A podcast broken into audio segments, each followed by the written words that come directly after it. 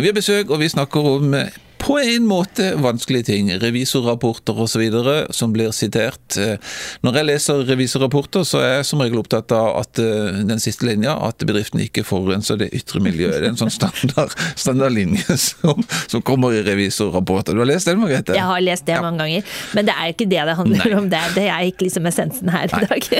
Revisorrapporten siteres i en av avisene i dag, Bill Øksendal, og at revisor eh, skriver om usikkerhet i forhold til drift videre. Skal man eh, ignorere revisors eh, rapport? Nei, eh, revisor, er, revisor er, har egentlig veldig klare si, retningslinjer å forholde seg til. Og lover og regler, og det, det, gjør de, og det skal de gjøre. Mm. Eh, bare for å, å, gå litt inn i, i, selve saken her, da, så er det jo først og fremst en Eh, en veldig stor nedskrivning av eiendomsverdien som er grunnlaget for at vi sitter med så store tall i, i regnskapene eh, negativt eh, for 2019. Ja, ja for det, det, må du forklare. fordi at Hvis folk eh, når man vanligvis leser et tall minus eh, x antall millioner, så tenker man ok, det er avviket mellom inntekter og utgifter. Eh, og så blir det altfor enkelt. Ja, i dette tilfellet gjør det det. Eh, derfor er det litt viktig å kunne, kunne forstå noe av det. det er, I dette tilfellet her så har vi eh, i utgangspunktet verdsatt eh, eiendommene i regnskapene til det det koster å bygge.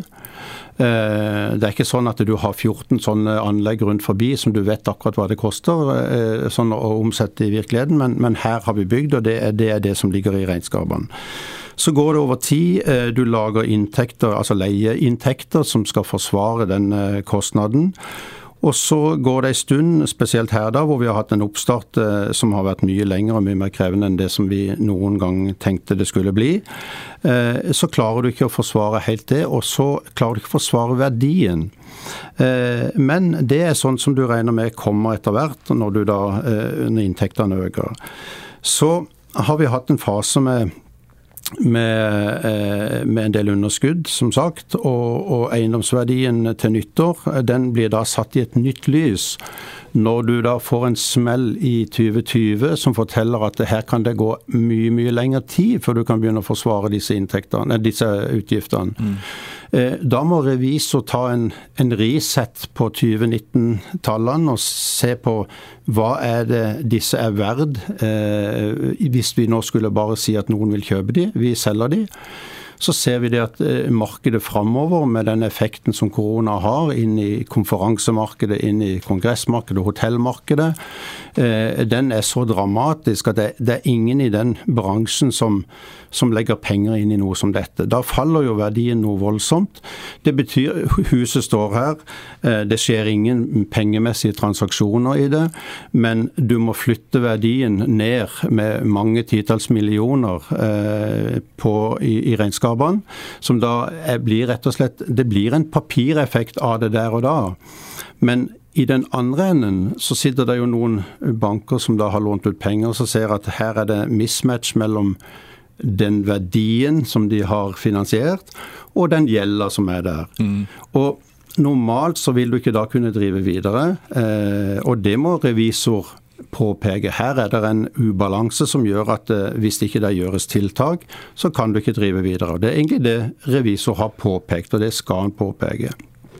Det som imidlertid er det gode her, da, det er at vi har hatt den eh, åpne og gode eh, løpende dialogen med våre finanskreditorer, som også befinner seg i den krisa som vi alle gjør og som har hatt veldig stor forståelse for saken, og som ser at i andre enden vil det være mulig å komme tilbake igjen eh, over tid.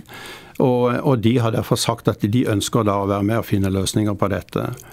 Eh, så forskjellen på, på, den verdien som sto i regnskapene og den verdien som sto der nå, det er tall, eh, tall i regnskapene, men det er ikke penger som flytter seg. Mm -hmm. Det er forklarende på en uh, måte som uh, er forståelig for flere. Det syns jeg var veldig mm. forklarende. Da har vi liksom fått litt sånn uh, kunnskap om, om, den siden av saken også. Men du, vi må tilbake til det som vi starta med, da, det med, det med optimisme. La oss ta det ett steg videre. For vi har besøk av Billy Øksendal når vi snakker om økonomi, penger, revisor, bankinstitusjoner og gjeld og krevende regnskapstall. Uh, og kan være vanskelig for menigmann, altså du og meg, eller jeg må få snakke med meg sjøl, så får du snakke for deg, Margrethe, men å forstå. Billy, du har forklart det på en god måte, men det er noe mer der. Optimisme er en av overskriftene som bl.a. avisen Norge i Dag bruker som altså hovedtema. Det er grunn til optimisme. Hvorfor er det det? Eh, jo, eh, for det første så, så, er vi jo en menighet. Eh, og vi, vi tror jo på framtida. Mm -hmm. Det gjør vi virkelig.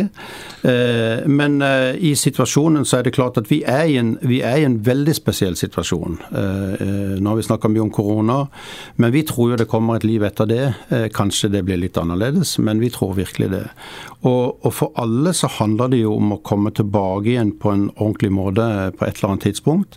Vi har sett at dette har ramma menigheten også, og kanskje mange menigheter i landet har ikke full oversikt over det.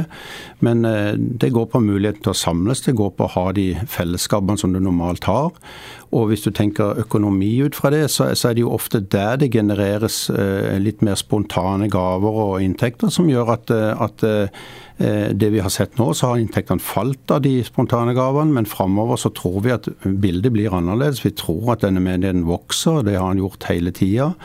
Og, og, alt dette er piler i riktig retning. Mm. Uh, men menigheten har også vokst eh, når man sitter og leser i avisen her, at det er kommet nye medlemmer selv om det har vært på en måte koronastengt? Ja, det, det, har det, og det er jo noe vi er veldig glad for. For eh, vi har jo ikke kunnet samle så mye folk. Det har vært en god del eh, streaming og litt sånne andre eh, holdt på å si, måter å kommunisere på og samles på. Men eh, det har likevel hatt en effekt at, eh, at menigheten har både holdt sammen, men også vokst. Og det er jo et utrolig godt tegn i en sånn tid som dette. Eh, og, og, vi har sett at vi har hatt en jevn vekst helt fra, eh, ja, fra 2010, og, og, så har det vært en veldig jevn vekst og, og til dels en ganske bratt kurve. Eh, og den har ikke, den ikke flada ut noe, på noe vis eh, i dette. Eh, og det er jo kanskje hele basisen for det vi holder på med. Eh, Kongressenter har jo vært en satsing som skulle være med å og holdt jeg på å si, eh, være en, en, et supplement for å kunne holde et sånt hus som dette. Mm. Det har vært mye tyngre å dra i gang. En mye lengre oppstart. Vi har hatt mange, mange forskjellige hendelser underveis som har gjort at det har vært vanskelig. Eh, men selv der er det gjort en god del grep som gjorde at vi nå liksom skulle, skulle virkelig eh, brette opp armene og få dette til. Litt endra rammebetingelser, en del ny setting i ledelse og styre. og og ja, mange ting lagt til rette. Eh, men bang, så sitter du der med korona. Men, men, vi tror jo dette går over. Og det er det bankene og andre også sitter og ser, at eh, det, det, det går over. Mm.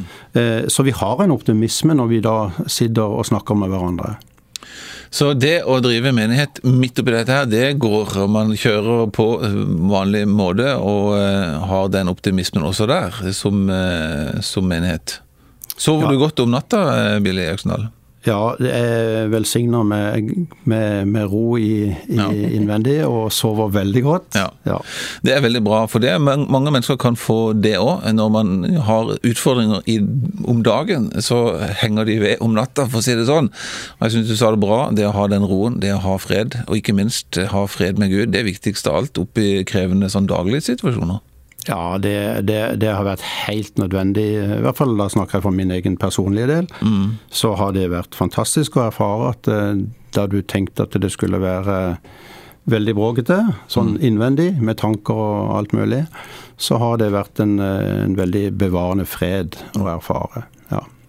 Det var veldig fint å få med seg helt eh, på tampen. Vi må si Tusen takk for besøket, Billy Øksendal, Jeg ønsker deg en god dag eh, videre. Så er det mm. tid for nyheter. Ja, det er faktisk det, og vi eh, tar med oss optimismen. Den må vi bevare i alt vi holder på med, selv om det kan se krevende ut. Skal vi si det sånn? Det må vi si. Ja.